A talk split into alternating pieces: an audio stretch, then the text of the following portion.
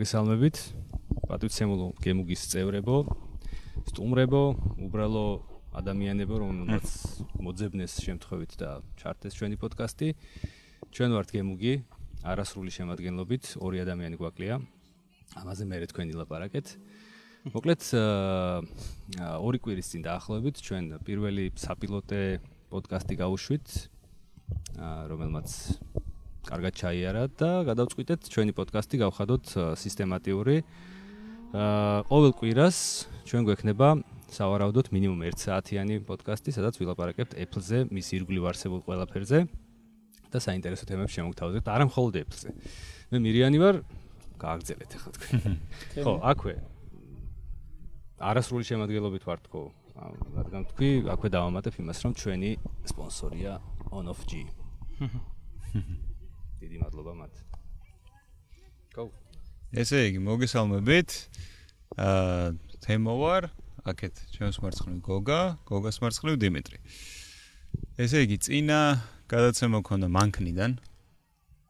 თან შეირნობდით. ელექტრომანქნიდან. ელექტრომანქნიდან, ხო, ეგეც უნდა დავაყოლოთ.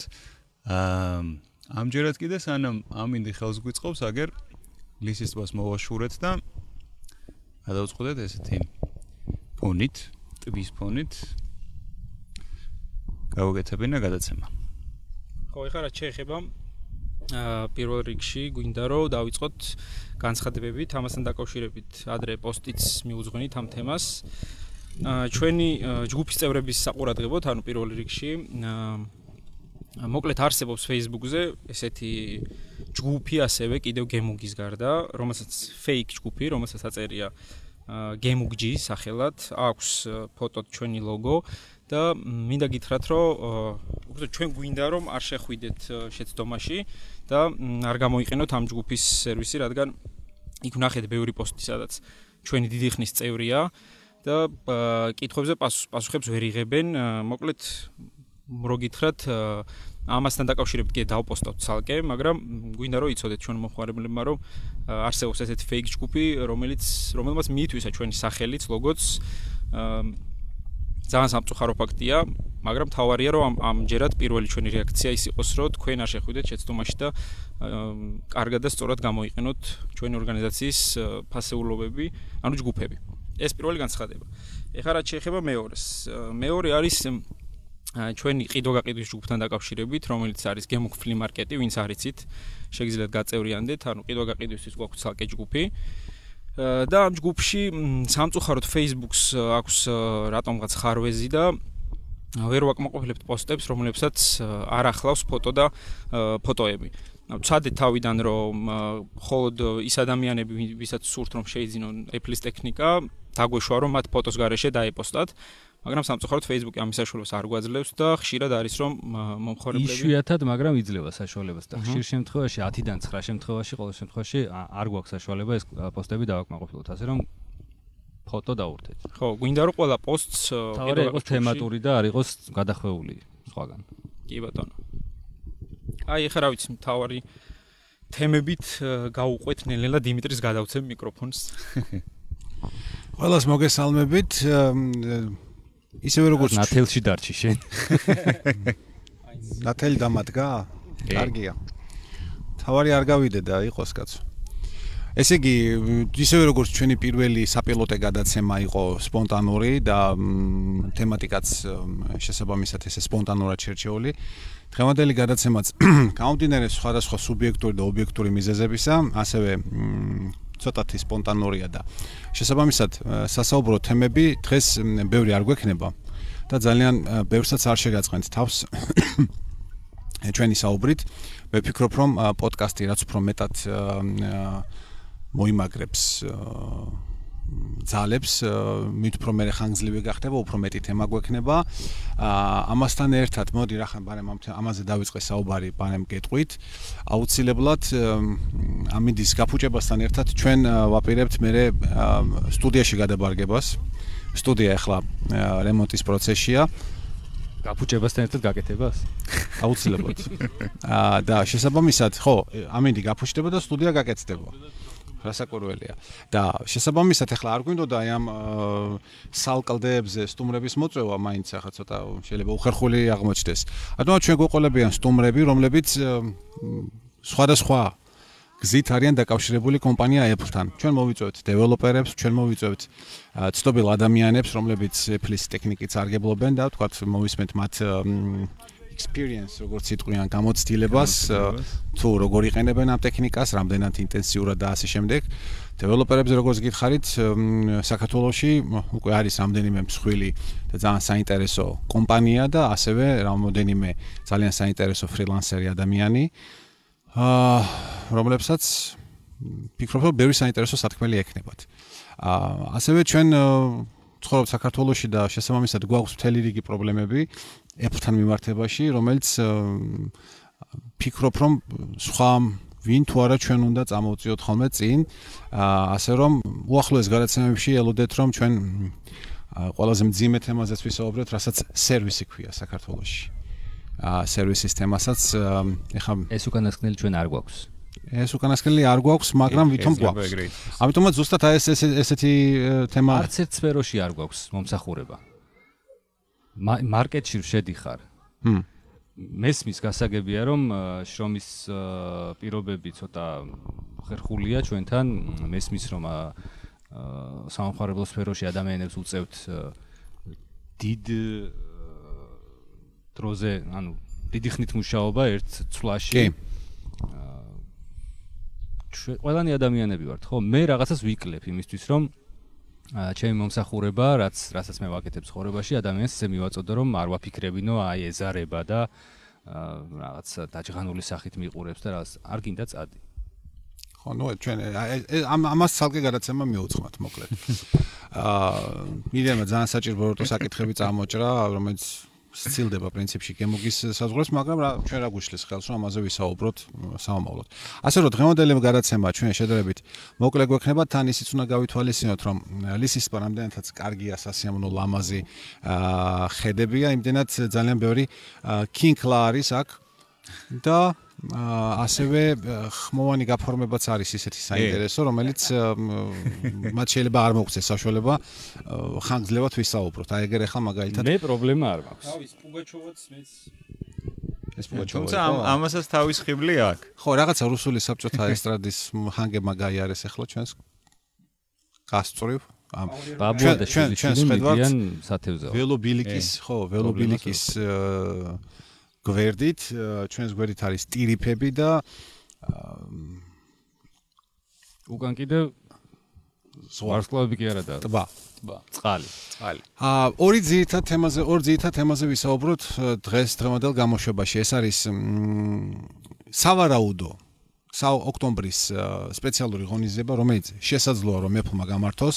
ჩვენ პირველ გადაცემაშიც თქვით და ძველ პოდკასტებშიც გვაქვს ხოლმე ამაზე ქონდა საუბარი რომ იმ ორი ძირითადი ღონისძიების გარდა რომელსაც Apple ატარებს წელიწადში ეს არის ივნისის WWDC ანუ Worldwide Developer Conference სადაც დეველოპერებისთვის არის ხოლმე ძირითადად წარმოქმნილი ახალი პროდუქტები და ნუ მათ შორის hardware-იც და მეორე სექტემბრის სპეციალური ღონისძიება სადაც ძირითადად 90% დროის iPhone-ს ეკუთვნის ახალი iPhone-ის არგენას. ამის გარდა Apple წელიწადში სავარაუდოდ კიდე ორ ღონისძიებას ატარებს ხოლმე. ეს არის ოქტომბრის ღონისძიება და მარტის ღონისძიება.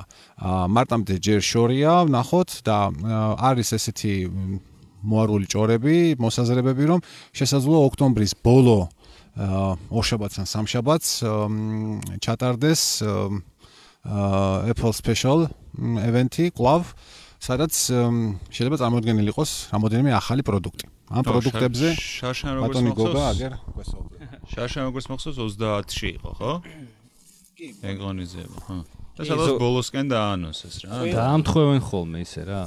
შემდეგ წელსაც იგივე დროს, მაგრამ არის ხოლმე აცდენები. ესეთ დღეები უწევს ხოლმე, რომელიც Apple-ს არ უყვარს მსგავსი ტიპის ღონისძიებების შესაძლებლად. ხო, რო სტატისტიკურად კი ყოველთვის ოქტომბერში იყო ხოლმე 22-29 რიცხვებში ძირითადად და იყო ხოლმე სამშაბათ დღეს. სავარაუდოდ ეხლაც სამშაბათ დღეს უნდა დაემთხოს. თემები ალბათ პირველი მთავარით უნდა დავიწყოთ, რომელიც ეხება MacBook-ს, ახალ MacBook-ს, რომელზეც ვარაუდობენ რომ უნდა იყოს 16 ინჩიანი. აჰა. ჩემი გამოცდილებით მაგალითად აქვე გეტყვით, რომ მე ვხმარობ 13 ინჩიანს და როგორც ლეპტოპი, ანუ ჩემთვის, ანუ პორტატული კომპიუტერი, აქ მაგ ისეთი რომ უნდა ვატარო ის ძალიან ხშირად ჩანთით. შესაბამისად, ჩემთვის პრიორიტეტული არის ხოლმე MacBook-ის შეძენისას მისი ზომა და წონა.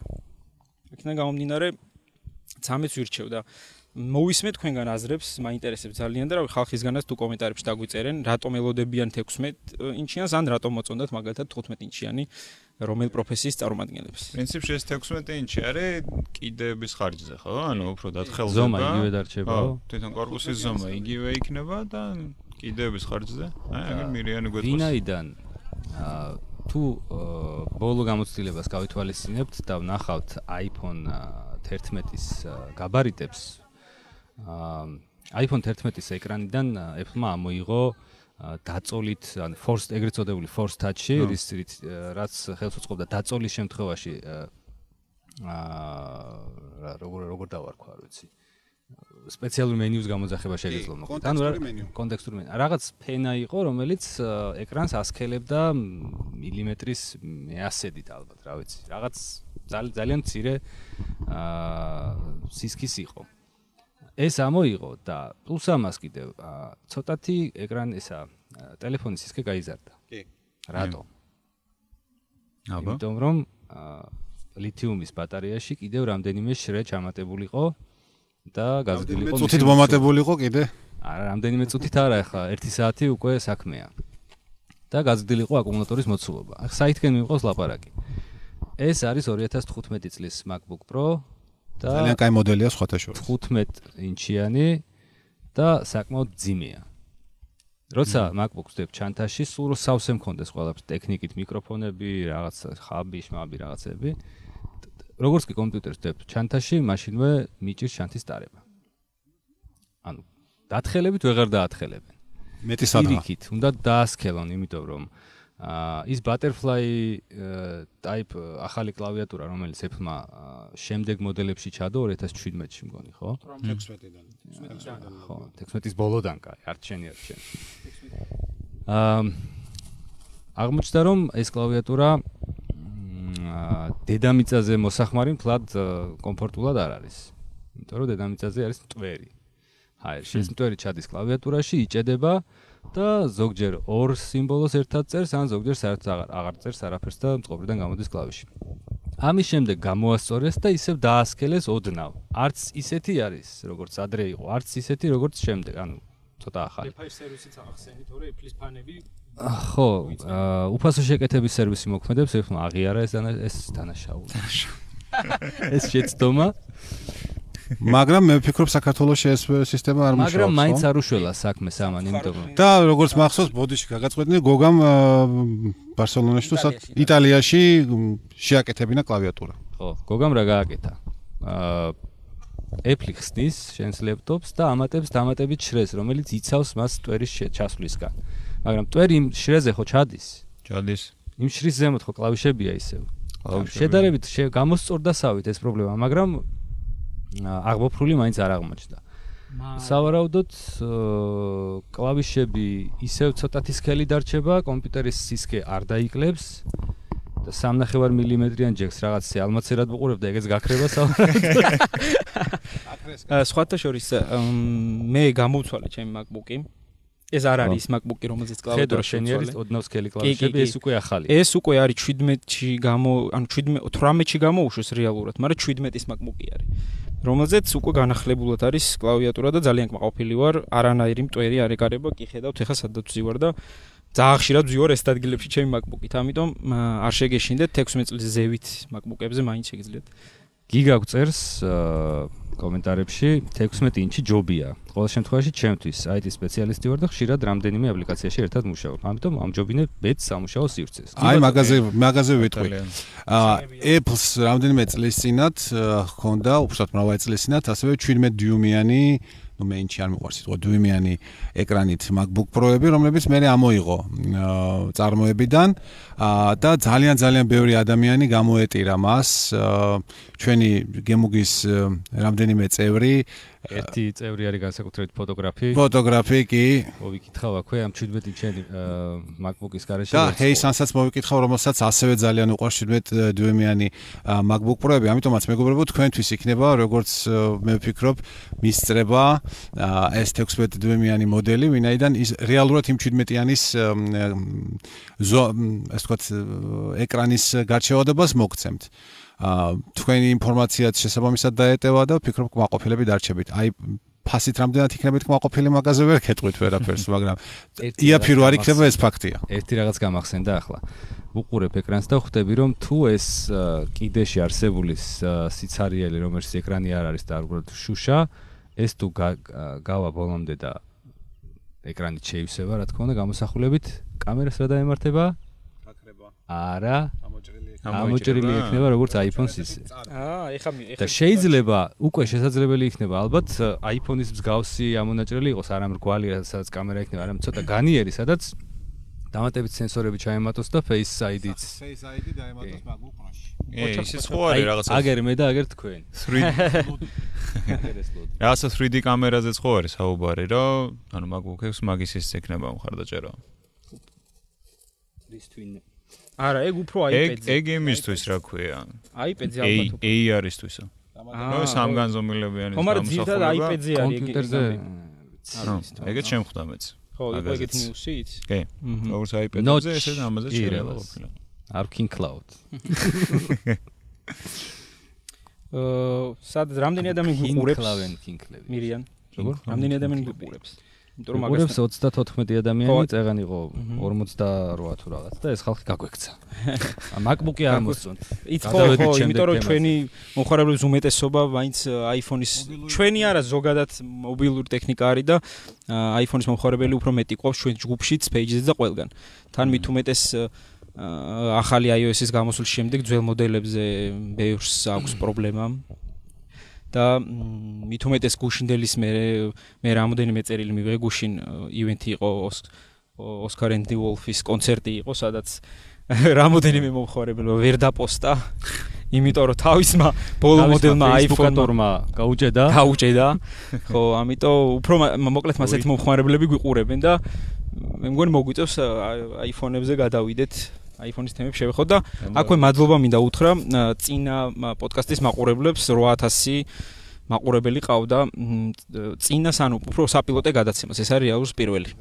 კი ა მეგობრებო იმის გარდა რომ თქვენ შეგიძლიათ აი ესე პირდაპირ ეთერში უყუროთ ჩვენს ვიდეო პოდკასტს vlogs როგორც გაგვისწორეს მაშინ პირველი პოდკასტის კომენტარებში. მაგრამ მე მაინც ამ ზოგადად პოდკასტს ვეძახი. აა ამის გარდა ამ გადაცემის საპილოტესის და ამ დღევანდელი გადაცემის აუდიო ვერსია თქვენ შეგიძლიათ რომ მოისმინოთ iTunes პოდკასტების სექციაში ასევე Google პოდკასტებში და სულ რაღაც რამდენიმე დღეში Spotify-ზეც დაემატება. შესაბამისად მინიმუმ 4 სხვადასხვა არხი გექნებათ იმისათვის რომ თქვენ შეძლოთ ჩვენ გვიყუროთ ან გვისმინოთ. ეს არის პირველ რიგში ცოცხალ ცოცხალი ტრანსლაცია Facebook-ზე და შემდეგ უკვე აუდიო ჩანაწერები და შეიძლება სამომავლოდ ვიდეო პოდკასტის არხიც გავაკეთოთ, რომელიც iTunes-ში გაიტანს პირდაპირ ამ ვიდეო ფაილს, არც ეგ არ არის პრობლემა.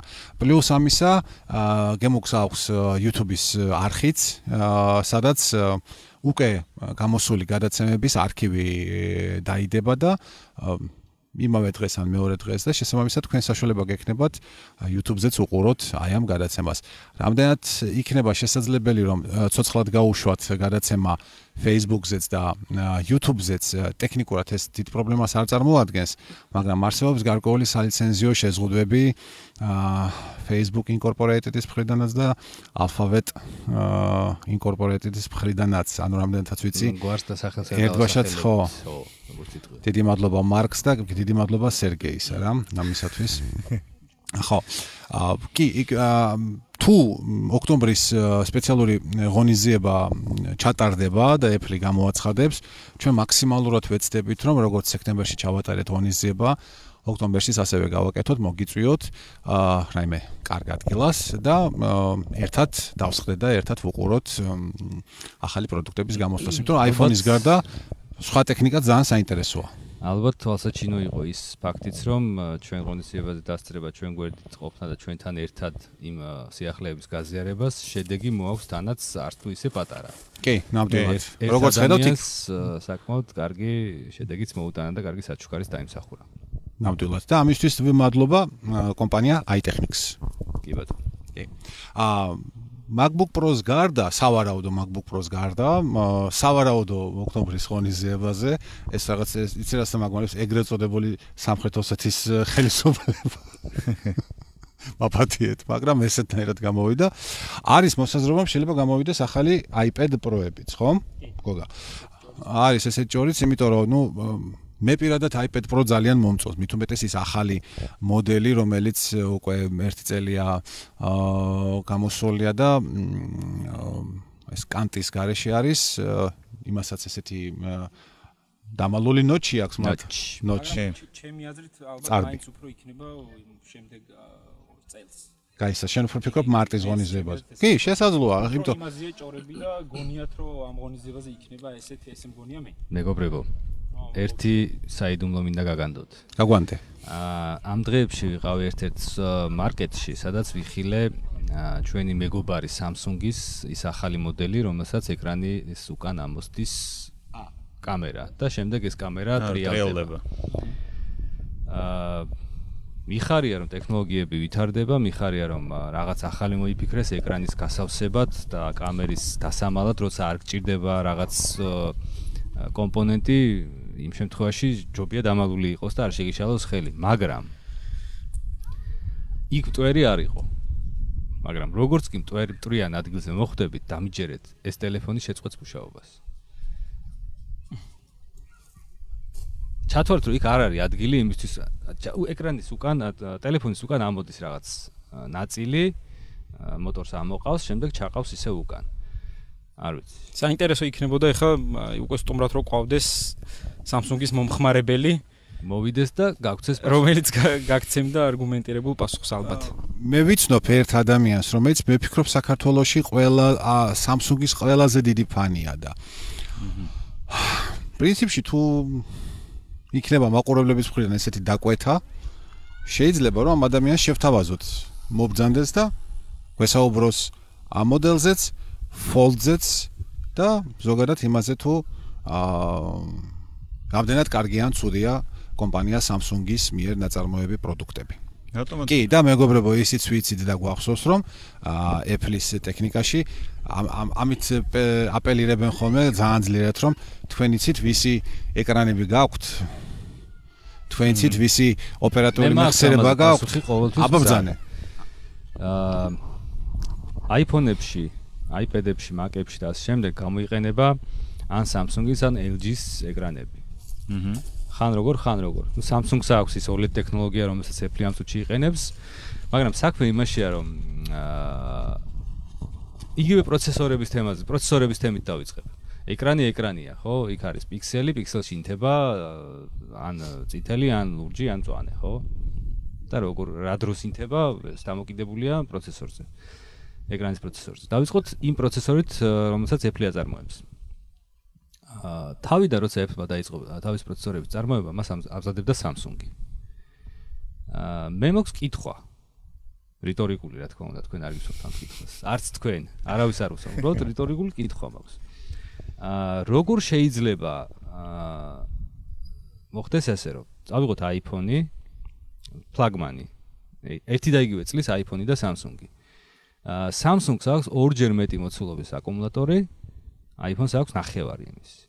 როგორ შეიძლება ისე რომ iPhone-მა იმუშაოს იმ იმ იგივე დროის განმავლობაში ავტონომიურად და ზოგჯერ მეტიც კი, როცა ორჯერ მეტი მოცულობის აკუმულატორის მქონე ტელეფონი მუშაობს იგივე დროს. ეხლა ჩაატარეს ტესტი სხვა შორის და 11 Pro და Note Plus-ი, ხო? Note 10 Plus-ი. ხო. დიდი როა. ხო, ყველაზე დიდი რომელიც არის, კი. 3000 ჰა ჰა. კი, ყველაზე დიდი iPhone-ი და დაჟე მე მგონი მაგას მილიამპერი. ყველაზე დიდი ეს Note შეადარეს და ბოლოს ანუ რო Samsung-ი რო დაჯდა ბოლომდე ელემენტი iPhone-ზე თუ სწორად მახსოვს 24% კიდე იყო რა დარჩენილი. დაახლოებით ერთი ტესტი ჩაატარეს რა. ასევე ზუსტად ჩემი აზრი. აა საკმაოდ არაპოპულარული ჩვენი მეგობრების თვალში, მაგრამ მაინც უნდა ვთქვა. აა Apple-მა ზუსტად იცის რა გააკეთოს, როგორ გააკეთოს, მათ შორის ხვის სხვასთან სტუმრობისასაც, ანუ გულისხმობს Samsung-ის ქარხანას და Samsung-ი თავისივე ქარხანაში ვერ ამზადებს ისეთ კომპონენტს, რომელიც აჯობებს მის კონკურენტს. რანაირად? ანუ ეკრანი უკეთესი აქვს, აი ეს ახლა ჰეიტერობა არისო? და ქონდა იყოს ესეთი რაღაც მუსიკა. და პროცესორიც იგივენაირად. ანუ არა, ცუდად არ მინდა გამომივიდეს, უბრალოდ ფაქტი ფაქტია. Apple-ის პროცესორი უფრო ნაკლებ ენერგიას მოიხმარს იგივე წარმადობის პირობებში, ვიდრე Samsung-ის და Apple-ის ეკრანი უფრო ნაკლებად ლამაზია. ნაკლებად ლამაზ ფერებს ასხივებს. იმიტომ რომ Samsung-ში უფრო beauty ეფექტები გამოიყენება რაღაც ანიმაციების და გამოსახულების გამოტანა. iPhone-ი უფრო რეალურს აჩვენებს. ამას ვიძახი. Samsung-ის ტელეფონით გადაღებული ფოტოები რომ ნახე მისსავე ეკრანზე, თვალები გადმომცივდა. ანუ ეგეთ ლამაზ სურათებს თუ იღებ და ტელეფონი არ მეგობრა. არა მარტო Google Pixel-ს ნახე ორ დღეს. როგორც კი ეს ფოტო გადავიტანე კომპიუტერში, სადაც ეკრანი არის ნეიტრალური, არც არ არის კი ბატონო. არა, არა, წარმოებულს არ აქვს მნიშვნელობა. სტანდარტულია სამუშაო პირობებში ცა გადავიტანე. არა Samsung-ის smartphone-ის მოკლედ. ეგრევე დავინახე ის ყველა ხარვეზი, რაც გააჩნდა იმ კამერას, რომელსაც მალავდა Samsung-ის ეკრანი მის ტელეფონზე. ნაწილობრივ ეს კარგია, რომ ლამაზ ფოტოს იღებთ და ამას მხოლოდ ჩვენ არ ვამბობთ, უამრავი ექსპერტი არის და უამრავი პროფესიონალი ფოტოგრაფი, რომელსაც აძლევენ სპეციალურად ამ კამერებზე და აკეთებენ შეფასებებს. ანუ კონკრეტ ანუ მე ჩემი პირადი აზრი არის, რომ ა მომწონს ძალიან ლამაზ ფოტოებს იღებს მართლა და მართლა რო არ ვიყო მე Apple-ის ბავშვობიდან Apple-ის მოყვარული და ფანი თუ თუნდაც მერქვას მაინც მგონია რომ ვიტყოდი იმას რაც ეხა ვამბობ ანუ რეალური ფოტო რომელსაც იღებს iPhone-ის კამერა. ჩემთვის არის უფრო მისაღები ვიდრე ის რომ უბრალოდ უყურებდი ლამაზ ფოტოს რომელიც არ არის რეალურია რეალურად არ არ არის ის არ ხდება რეალობაში. გოგრა შენ გიყვარს ეს რაღაცები კომენტარებს ჩახედე და მოყვა ხო რა აქ აქ არის გამოხმაურება უკვე. ამ ამ მოგვიკითხე აბა აა რემი მიკითხა შეკითხვაზე პასუხს არ ვართ? არ მინახავს შენი შეკითხვა სამწუხაროდ? გადმოვუტოდე შენი smartphone-ი არა არა მან მინდა რომ ნახო სხვა რაღაც აა ეს გადმოგაწოდო? არა, არა, ის. აა, არა, არა, აღარ ჩანს. არა. აა, კი ჩანს. იცი. ის ნახოთ ის მოუძებნოთ. არ არის. ვერ ვიპოვე. აა, ხო, აგერ შეკითხვებზე პასუხს არ ვარ და ანუ შეკითხვა არ მინახავს. თორე სიამოვნებით გაგცემდი პასუხს. ბატონო. აა ოდი სანამ პასუხებზე სანამ გოგა პასუხებს ისაუბრეთ. არ მოიფიქრებს და დაალაგეს მოსაფიქრებელი ჩვენ არაფერი არ გვაქვს. პასუხები გვაქვს ეგრევე მზად. iPhone-ზე თქვა ორი სიტყვა. აქვე მინდა ხაზი გავუსვა იმას, რომ iPhone 11 Pro-ს და 11 Pro Max-ის რევიუები გზაშია ისევ. რაღაც საცობი შეიქმნა და იქნება აუცილებლად. და iPhone 11-ზე მინდა ორი სიტყვა თქვა. არ მომეწონა Apple-ის ეს ნაბიჯი. კონკრეტულად? კონკრეტულად ფასი არ შეესაბამება იმ ტელეფონის შესაძლებლობებს. ანუ 10 არ მესმის რომ კარგი იყო, მაგრამ აა it's time to move. სადღაც უნდა გამოძრავდეთ. ანუ მესმის რომ ძალიან ლამაზი, მშვენიერი და კარგი ფლაგმანური მოდელი დადო, ორი ცალი.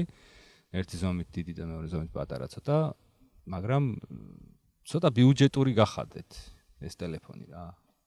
ძვირია iPhone 11.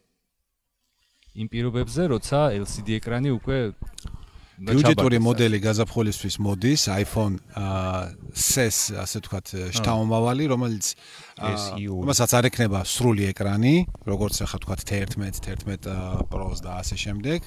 არამედ იქნება ისევ ისეთი კიდეები როგორც ვთქვათ iPhone 8 და უფრო ძველებს აი როგორც ჩემს iPhone ხო და მაგის დავიწყების დრო მოვიდა რა. ხო მაგრამ ნუ აი ეგ იქნება შენი ბიუჯეტური ეღირება ვთქვათ 559 დოლარი. ან 599 ნაკლები ხალხო 35%-იან მარჟას ქვემოთ Apple არ ჩამოვა, იმიტომ რომ აქციონერებმა უნდა მიიღონ კუთვნილი მოგება და შემოსავალი ყოველ წლის ბოლოს. ეს არის ბიზნესი და არა ის გართობა, რომელთაც ახლა ჩვენ ვერთობით. იქ ხალხი მილიარდებს აკეთებს და ეს მილიარდები კეთდება ასეთნაირად, სხვანაირად არ კეთდება. მოგწონს ეს ჩვენ თუ არ მოგწონს?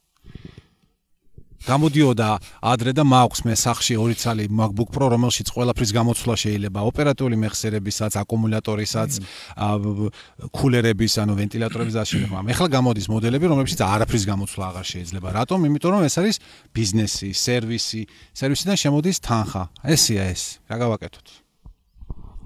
გაიცი პასუხი. ის კითხვა რომ ვერ ვერ ვნახე, ის კითხვა რატომაც არ ჩანს. გავაგზელოთ. არა და მეორე კითხვა არის, კიდე არის სხვა სხვა კითხვები და თუ თემები ვერგოთ, მოდი კითხვებს მიხედოთ. ერთი არის ნიკუშა გელოვანი გვეკითხება, walkie talkie თუ მუშაობსო თქვენს Apple Watch-ზეო და არა გამორთეს walkie talkie უსაფრთხოები. უსაფრთხოების მიზნით walkie talkie გამორთულია. ჩარტოსთან დაკავშირებით ხო არ გაქვს? ჯერჯერობით ხო ეს ინფორმაცია ნიკუშა მე რეგაქცევთ პასუხს როყოფილს. აა ესეთი კომენტარი არის ბექა ღვინიაშვილისგან. ო, ბექა სალამი. Samsung Plus-ი ძალიან მაგარია. Plus. ვინე ეგ რომელია? ვინები ლაპარაკობენ ტექნოლოგიებზე და კერძო ტელეფონებზე, ფანობასაც საზღვარი აქვს. ოღონდაც რა. კაი, მე მეხებოდა ალბათ ეს. რა ვიცი, სადმე აა მაგი დავიპოვოთ ესე გავყოთ შუაზე ზოლი გავავლოთ და დავჯდეთ და ვიფაზროთ რა ვიცი ტექნოლოგიებზე ი ბატონო გიგა გვიწერს ასე რომ hardware-ში არ არის საქმე Apple-ს აქვს უკეთესი software-ი software-ს ოპტიმიზაცია ამით ჯობია Android-სო დაახლოებით მე მგონი კი მე ცუდია განა ეგ სწორედ მაგაშია სულსაც საქმე ხო კი სწორედ მაგაშია საქმე რომ hardware-ით გაცლებით უფრო სუსტი და არა მომგებიანი ტელეფონები აპარატურა პროგრამული უზრუნველყოფის ხარჯზე აკეთებს იგივეს ეს რაღაცაზე მეტყველებს, ხო? ამაზე ხო შეიძლება დაფიქრება უბრალოდ. შვეიცარიული ლოგიკური აზრის გამოტანა. ეს არის და ეს მეტი არაფერი. არცით გაკეთებული ლარნახევრიანი ჩინური საათი. იგივე ვიზუალურად იგივე რო შეადარო ერთმანეთს. თოთ შეიძლება უხეში გამომივიდა შედარება, მაგრამ დაახლოებით ეგრე რა. გარედან გავს, მაგრამ შიგნიდან სვანაირია. ეს რემის შეკითხვის პასუხებს არ ვართო კითხვის ნიშანი, ალბათ ისე გავიგე რომ არ გაგვიცია მის კითხვას პასუხი, მაგრამ სამწუხაროდ მის კითხვა არ ჩანს, ამიტომ შეიძლება სხვა კითხებს კითხებს გულისხმობდა. ხო, შეიძლება შესაძლოა, ხო. რემი არისა ბალაგა, ეს კეპა არისა ბალაგას ძმა არის ალბათ. ჩელსის მეკარი არის კეპა არისა ბალაგა, თქვენ ფეხბურთს არ უყურებთ, არ გეცოდინებათ. ჩემი ჩემი ჩემიანი. წავხედავ. ჩვენ სვარკას არ უყურებთ. კაი, რომ მივამთავროთ ეს ჩვენი ღონისძიების. ბარემ გავიაროთ ეს ესეც და აა, გვაქვს კიდე? კითხები? რა არის iPhone-ებში მომავალი AR-ის ჭრილშიო? ხო, საინტერესო კითხვა. Insane-თან მაქვს კითხვა. ვინ არის Insane? ჩემი ძველი ის ნიკნეიმი ბავშვობის მოყოლებული. ხო, ხო და მაშინ უპასუხე. არ შაუთაუთი გომში საკედან. ესე იგი, ანუ AR-ზე მე რამდენად მაქვს ინფორმაცია 2020-ისთვის ველოდებით იმ სათვალეს, ხო? ნუ არის მოსაზრება. არის მოსაზრება, კი. და ანუ იქნებაო რაღაც iPhone-ის აქსესუარი ვითო. ну, ანუ მთელი რაღაც რესურსი სათვალეში. ფუტურამა, ვისაც გაქვთ ნანახი, სადაც ერთი სერია არის, რომელიც არაჩვეულებრივად აშარჟებს კომპანია Apple-ს. აი თუ არ გაქვთ ნანახი, უყურეთ და აი დაახლოებით ეგეთი რაღაცა იქნება. აი iPhone YouTube-ში ჩაწერეთ ზებნაში, ოღონდ აი ხო. EYE. ეყე. ეყე ეყე. ეყე ფონე. აგი მონახაზზე ჩანგელა გუნგე ეყე ფონი ჩაწერეთ. სკაიტის კოდი ხომ არ გაქვს. გავიდეთ ბოლოში თორემ. შენ კინკლებმა შეგჭამეს მე კოღოებმა. კი ხო მაკო მაკოეს კატალინაზე ვისაუბრებ ხო? ხო მაკოეს კატალინაზე ერთი ორი სიტყვა. მოკლედ გასულ კვირას გამოვიდა მაკოეს თუ ახამ კვირის დასაწყისში გამოვიდა აღარ მახსოვს უკვე იმდენი დრო გავიდა ოქტომბრის დასაწყისში. არა, არა, ეხლა ხანს მოკლედ თარიღს ნუ აღარ მკითხავთ, ჩვენ გადაღლილი ხალხი ვართ. გამოვიდა როგორც იქნა ასეთი ნანატრი. მე სიმართლე გითხრათ iOS-ის განახლებებს იმდენად არ ველოდები ხოლმე. წლიდან წლამდე მით უმეტეს ეხლა როდესაც აი ეს მრავალტანჯოლი iPhone 6 მაქვს და უახლოეს დღეებში შევცვლი iPhone 11-ზე აა მით უმეტეს საერთოდ არ ველოდებოდი iOS 13-ის გამოსვლას. ჩემთვის ყოველთვის მნიშვნელოვანია ხოლმე macOS-ის ახალი ვერსიის გამოსვლა ვინაიდან ჩემი ყოველდღიური მუშაობა სამ Mac კომპიუტერში არის განაწილებული და კიდე ერთი Windows კომპიუტერი და ორი Linux სერვერი მეხმარება კიდე სხვადასხვა საკითხებში. შესაბამისად, კატალინა როგორც კი გამოვიდა იმავე დღეს გაუშვი ინსტალაციაზე და დავტოვე ღამე. აა მეორე დილას ჩავრთე პირველივე შტაბეშილებები ჩემთვის არის ძალიან სასიამოვნო. აა ერთი არის, რაზეც ჩვენი მეგობრები MS Info-დან ხითხითებდნენ, ეს არის ის პარანოიდალურად გაზრდილი უსაფრთხოების საკითხი, როდესაც ნებისმიერი აპლიკაციას კუდის გაქანების საშუალება არ აქვს. ნებისმიერ გაფართხალებაზე macOS-ი სთხოვს მას, ანუ ჩვენ გვატყობინებს, რომ ამად ამ აპლიკაციას უნდა წვდომა მიკროფონთან, ამ უნდა წვდომა კონტაქტებთან, ამასთან, იმასთან, იმასთან, იმასთან და ესე ვისხედით და პირველი ორი დღის განმავლობაში ხან დინაის ვაძლევდით, ხან ელოუს ვაძლევდით, გააჩნდა იმის და მიხედვით, მაგრამ საბოლოო ჯამ ერთი წყაროდან ერთხელ უთხრა კი და მე ხო, ხო, ხო, რასაკვირველია. მოკლედ პირველივე რელიზი საკმაოდ სტაბილური გამოდგა. მე ყოველ შემთხვევაში აი ერთი კვირის განმავლობაში არ მქონია არც ერთი შემთხვევა, რომ რაიმე ხარვეზიან ხინჯი მეგძნო. თუ ჯერ კიდევ არ ხართ გადასული კატალინაზე და იქ არის მოთხოვნები, ეს არის MacBook Pro უნდა იყოს 2012 წლის, ანუ უფრო ახალი და ასე შემდეგ და ასე შემდეგ. აა დაბეჭდებით გირჩევთ. მით უმეტეს რომ Apple-ის სამყაროში საოპერაციო სისტემები უფასოა და არ გჭირდებათ რაღაცა keys და რაღაცების მოძებნა და გადადით აუცილებლად კატალინაზე კვაყოფილი დარჩებით თუნდაც ახალი დინამიური კი ახლა არ არის ახლა ეს არსებითი მაგრამ ამ წვრილმანი საკითხებისგან იქმნება ხოლმე ზოგადად სრული სურათი.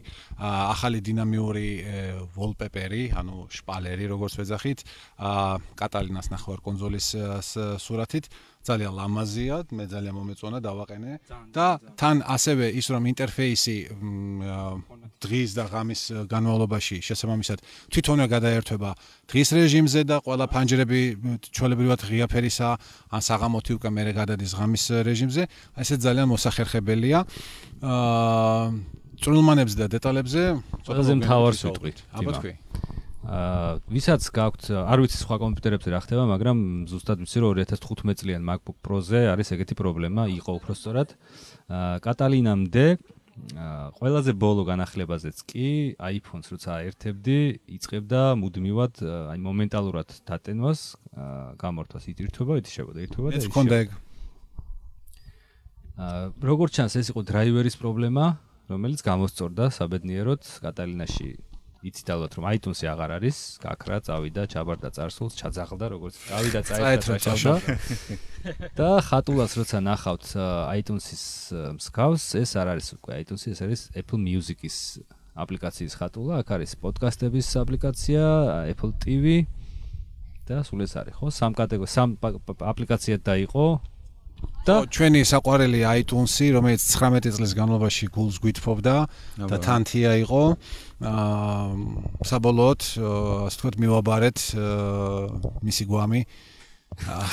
კუპერტინოს თუ თუ ტელეფონის მართვა დაგჭირდებათ მუსიკის ჩაყრა სხვა შორის ეს მნიშვნელოვანია. აა iTunes-ის ის ნაწილი, რომელშიც ტელეფონს ან ტელეფონს როცა შეერთებთ კომპიუტერთან გამოჩნდებოდა, ეს ნაწილი გადავარგდა მთლიანად Finder-ში. ანუ Finder-ის მარცხენა toolbar-ში, როცა შეხედავთ, იქ არის MacBook-ის სახელი, დისკები და იქვე გაჩნდება თქვენი ტელეფონი. როცა დააჭერთ, გადადიხართ და იქ უკვე მართავთ ყველაფერს. ინფორმაციის ნახვა, მოცულობის გარკვევა, ფილმების, მუსიკის ჩაყრა, ანუ iTunes-ი აღარ გჭირდებათ როგორც ასეთი რა. ხო, ანუ ბევრი კითხვა იყო ძალიან ამაზე, ახლა გამახსენე, კარგია რომ გავიხსენეთ ეს თემა. iTunes-ის გაუქმების შემდეგ ძალიან ბევრი გწერდა, მით უმეტეს ძალიან ბევრი მოხარებელია ისეთი ვისაც ვინც iPhone-ს მოხარებელია და თან Windows-ის და Windows-ის Windows-იც iTunes-ი ისე მუშაობს, ან ჩოვლიერად შეგეძლიათ ხო, ჩოვლებრივ შეგიძლიათ. მოიცლიან მაგისთვისაც მანდაც გაქრება და აპლიკაციებად გადაიხო. ხო, ჯერჯერობით შეგიძლიათ გამოიყენოთ ჩოვლებრივად და არ გაგიქნებოთ ამაზე პრობლემა რა აქვე დავამატებ, რომ ვინც ასეთი მომხმარებლები ხართ, ჩემი პირადი რჩევა იქნება და თან ამასთანავე მუსიკის მოყორულები Apple-ის Apple Music-ს შეუერთდეთ სულ რაღაც 9.99 დოლარად. ეგეთი ფანატიკოსიც არ ვარ და გაგიმხელთ ერთ ცოდვას დღიდან პირველი პირველივე დღიდანვე როცა მუსიკის ონლაინ on demand სერვისის გამოყენება დაიწყე ეს იყო Spotify.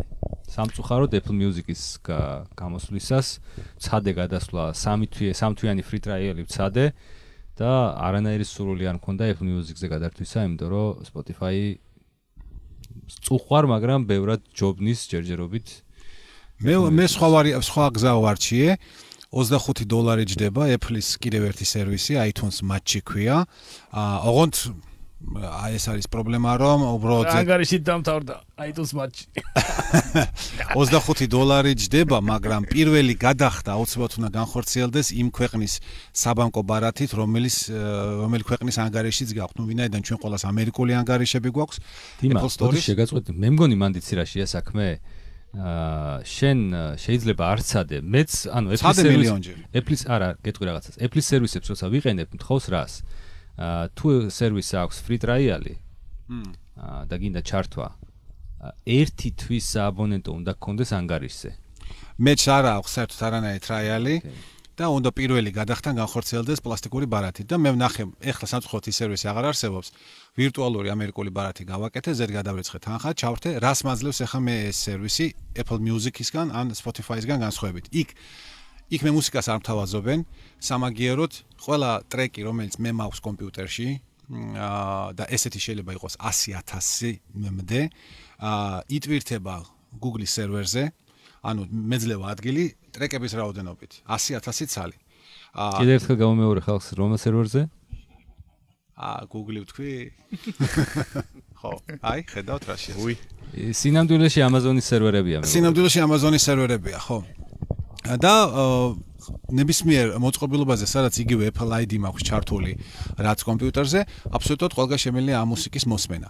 მეტიც, თუ ეს მუსიკა Apple Music-ში არის ბიბლიოთეკაში, მაშინ მე ისიმ ტრეკების რაოდენობაში არ მეთვლება და ანუ გამოაკლდება და ჩაანაცვლებს მე შეიძლება დაბალი ხარისხის ფაილი მქონდეს MP3 ფაილი მქონდეს რაღაც ცუდი ხარისხის რაღაცა მაგრამ თავარია ეს დაემთხვეს და შესაბამისად უკეთესი ხარისხის ფაილით ჩაანაცვლება ასე რომ მე მაგალითად ეს ვარიანტი უფრო მაწყობს. წელიწადში 25 დოლარს ვიხდი და მე რა მუსიკაც მაქვს რა მუსიკას მიყვარს და ვუსმენ წლების განმავლობაში აი მხოლოდ ის მუსიკა მაქვს ჩადებული იქ.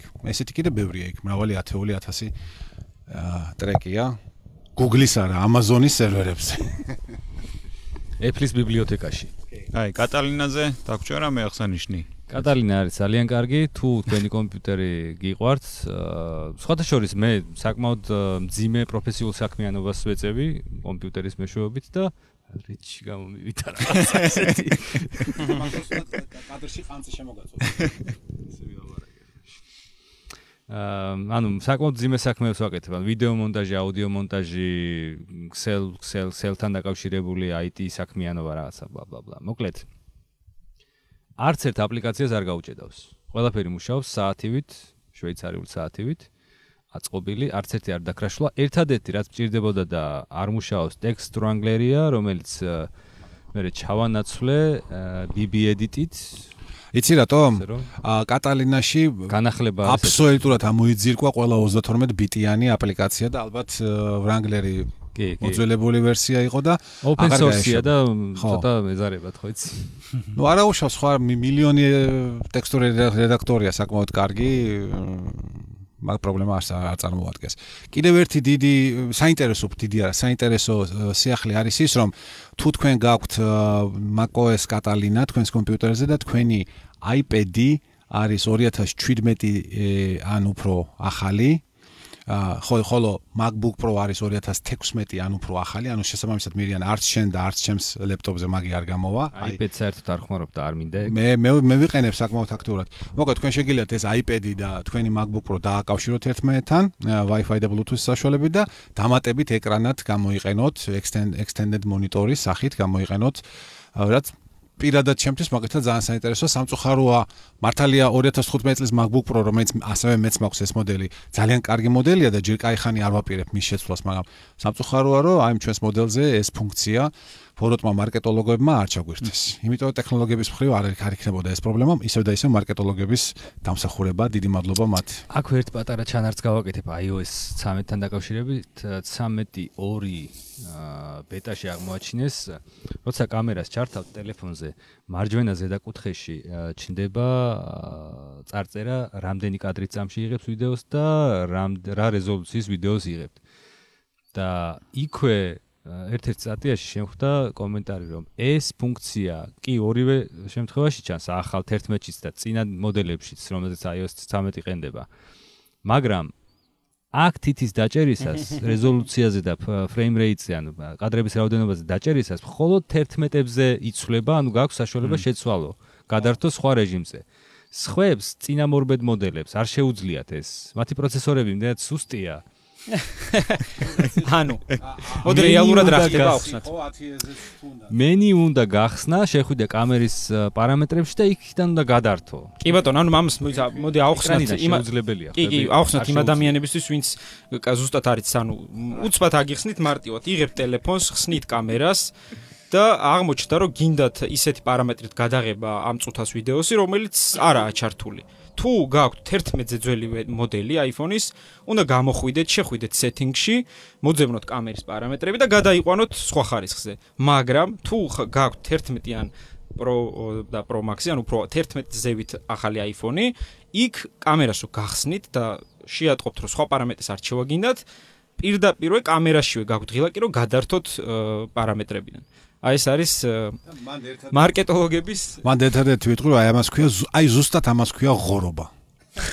აი ეს არის კლასიკური ესეთი აბსოლუტური და ვაკუუმში გაფენილი ღორობა.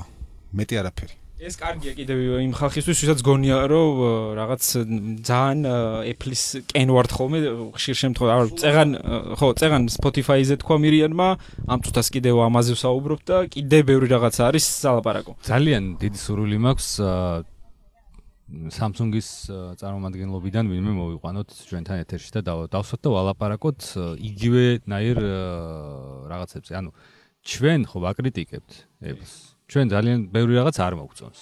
არის ისეთ რაღაცები, რაც არ მოგწონს. აა არის რამე ისეთი, რაც მათ არ მოსწონთ Samsung-ში. Apple-ზე არ მაქვს ლაპარაკი, Apple-ის არაფერი მოსწონთ მაგათ. როგორ ინტერგრუნული კითხვა იყო? ხო, საინტერესოა ესეთ მომხმარებელი, მთავარია ესეთი ადამიანი, მთავარია არსებობდეს და უნდადეს რომ მოვიდეს აქ. აა, ხო. ვინც ასე ისაუბრებს? ამის იმედი მაქვს რომ არსებობს. გიგას არ დავწყვიტოთ გული და ბარემ მისი კითხვას გავაჟღეროთ და იქვე დავამთავროთ. Apple Car-ზე რატომ არ საუბრობთ, რომელსაც 2023-დან 2025 წლამდე ველოდები. პირველად მე გავცემ პასუხს ველოდებით. ჯერ ერთი Apple Car-ზე 2015 წელს ვკითხულობდით ნიუსებს, რომ უნდა ყოფილიყო 2019 წელს მიდიოდა ჩუმი პროექტი Titani და მიდიოდა რაღაც ჩუმი რა Titanic-ი და 1000 სახელი იწერებოდა. და ყოველ 2 წელიწადში დაახლოებით როგორ ფილმი 2012 გამოვიდა და სულ ველოდებით სამყაროს ახსასრულს დაახლოებით ეგრე იწერება ყოველ ერთ წელიწადში app card-თან დაკავშირებით. მაგრამ ისე მე მგონი მირიანზე მეტად და რავი ჩვენც სიამოვნებით ვიხილავდით Apple-ის ელექტრომობილს. თუმცა აქვე ბოლოში მინდა ერთი წაკბენა გავაკეთო. აუცილებლად იქნება Apple Car-ი და თუ იქნება Apple Car-ი, ის არ იქნება აა იმ დასაკეთი ტელეფონის მსგავსად, ანუ მანქანაში ჩაჯდები და წავა და შუაგზაში გაჩერდება და საბურავი მოძრება, ეგრე არ იქნება. კლად ბოლომდე კბენა რო არ გამომივიდეს, აქვე ვიტყვი Apple-ის უკაბელო დამტენს, რომელიც Apple-მა პრეზენტაციაზე წარმოადგინა. საიტზეც დადო ინფორმაცია და ბოლოს აღმოჩნდა, რომ უი ვერ ვაკეთებთ. ან უბრალოდ მათი სიაღნიშნეს რომ რევერსში ჩააგდეს და წავიდნენ უკან. ისე ვერ ვაკეთებთ როგორც ჩვენ გვინდოდაო, თორე ისე კი გამოგვიდო, გამოგვივიდოდაო. უბრალოდ ისეთი არ გამოდისო. ავტომობილს რაც შეეხება, მე ჩემს მოსაზრებასაც დავამატებ. მართალია მე ავტომობილისტი არ ვარ და ზოგ შემთხვევაში შეგვიძლია ანტიავტომობილისტათაც მომნათლოთ, მაგრამ ნუ ზოგ კაი რაღაცაა მაინც ეს 4 ბორბლიანი რაღაც მოწყობილობა რითაც ჩვენ დავუყურავთ. მე ვფიქრობ, რომ Apple თვითონ კონკრეტულად ავტომობილს არ გამოუშვებს. ეს იმედენად რთული. Apple TV-ს მსგავსად? TV რა შოშე? აი, როგორც Apple TV გამოუშვა და ხო იყო ლაპარაკი რომ ტელევიზორი იქნება. ხო, ტელევიზორი გამოუშვა. ან როგორც ტელევიზორს არ გამოუშვებს ეკრანიან მოწყობილობას. ხო, დონგლი გამოუშვა. ასევე მე ვფიქრობ რომ Apple უბრალოდ აა სხვადასხვა წარმოებლებთან, რა თქმა უნდა, მაღალი კლასის წარმოებლებთან შეეცდება რომ მოახერხოს რაღაცნაირად ინტეგრაცია თავისი სისტემისა, იმიტომ რომ რასაც მე უყურებ, ჩემი დილეტანტური, აი ძალიან დილეტანტური თვალით ავტომობილებში მე საერთოდ არაფერი არ ვიცი, უბრალოდ ვიცი რომ პედლები აქვს. აა მაგალითად ავტომობილის მარკა პედლებიც აქვს. შენ წარმოიდგინე. ხო და რამდენადაც მე ვიცი ავტომობილის სისტემა აი ცენტრალური პანელი რასაც ვქი. აი ძალიან მახინჯი მაგალითად. ნებისმიერი მანქანის რო ავიღოთ, მე ძალიან მემახინჯება. ნუ გარდა ტესლასი მაგალითად. ტესლა ლამაზია. ტესლა კარგია, იმიტომ ტესლა ილონს აქედან სალამი ჩვენგან. გიყურებ ალბათ. მოსაყურველია. მოკლედ, ავტომობილი Apple-ისგან არ იქნება. არანაირად. იქნება. ნუ დაელოდებით. ნიძლავი დავდა. თამაშ უხარია შემიკითხა. ოპა. ხანცი. შემდეგ შემდეგ ეთერში ყანწი წამოვიღოთ. ყანწი წამოვიღოთ კი. ქართულად. მორჩეთ მეგობრებო. ხო, ან ნელა შეგვიძლია დაოსლოთ რა ხალხიც რაღაც ის ალმაცერა გვიყურებს. ხო, ჩავლა ჩამოვაზე. რაღაცები უჭირავთო ხელშიო და იქ. ეხა კადრში არ ჩანს აქ ბრუკლინის ხიდი და უკვე თან ხალხიც მომრავლდა მოსავალ. მე კიდე ადგომა მიზარება რომ კამერა მივატრიალ. მე რეგაჩვენი. ფოტოს გადავუღებ და დავდებთ მე. ე, კომენტარებში სიყარო ჯობდა ანკეს წაგიღოთო MacBook-ი რო გიდევთო მანდან. MacBook-ი რო გიდევთო მანდანაო. მანდანაო, კი. კარგი, ძირფას მეგობრებო, დიდი მადლობა იმისაც რომ გვიყურეთ, კითხვები დაგვისვით. შემდეგში თუ იაქტიურებთ არ იქნება ცუდი. როგორც დიმიტრი თქვა, ჩვენი პოდკასტები დაიდება iTunes-ში, დაიდება YouTube-ზეც დავდებთ, Facebook-ზეც იქნება, მოკლედ Google Music-ში, Spotify-შიც იქნება, სადაც გენებოთ, იქ მოგზავნეთ, იქ მოგვისმინეთ ნებისმიერ პლატფორმაზე.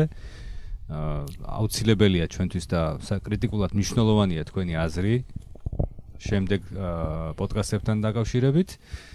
აა გვირჩიეთ, რა გავაკეთოთ, რა გავამჯობესოთ, რისი მოსმენა და ნახვა გინდათ ჩვენთან და ჩვენ შეძლებს დაგვარად ამათ გავითვალისწინებთ და გავაკეთებთ. ხო, ეს იყო თქვათ, რომ ეს იყო Apple-ის მომხმარებელი, Apple-სა და Mac-ის მომხმარებელთა ჯგუფის პოდკასტის პირველი გადაცემა. შეგიძლიათ საპილოტე გადაცემის ყურებაც და მოსმენაც. ყურება შეგიძლიათ Facebook გვერდზე, ვიდეოს ვიდეოების განყოფილებაში და მოსმენა შეგიძლიათ პოდკასტის აპლიკაციაში, რომელიც არის iPhone-ზეც და Mac-ზეც. და კარგი იქნება თუ გვირჩევთ მაგალითად შემდეგი პოდკასტისთვის რა თემებზე ვისაუბროთ და რა ვიცი სტუმართან დაკავშირებითაც კარგი იქნება თუ გვირჩევთ ვისო ჩხუბოთ მოკლედ გითხარით. ვინ ვისთან ერთად ვისაუბროთ. როგორ როგორ გადაცემაც უფრო საინტერესო იქნება თქვენთვის თავარია ეს იყოს Apple-ისა და ტექნოლოგიების თემატიკის გარშემო მთლიანად. აჰა სულ ეს იყო. და იმ განცხადებებთან დაკავშირებითაც თუ ვინმე ხა შემოგვიერთა და არ უნახავს გადაცემის სტარტზე ვისაუბრეთ ფეიკი გემუგის ჯგუფთან დაკავშირებით, რომელიც Facebook-ზეა და ამასთან დაკავშირებით თქვით ერთი ორი სიტყვა და ასევე გემუგ ფლი მარკეტთან დაკავშირებით, რომელიც ჩვენი ყიდვა გაყიდვის ჯგუფი არის და ცალკე გვაქვს ამისთვის გამოყოფილი და ამ თემებზე კარგი იქნება თუ მოისმენთ ჩვენ საუბარს. სო სულ ეს აი, დაოსრულეთ. ახოთ. აბა, დროებით. მომავალ კვირამდე. ახომდის.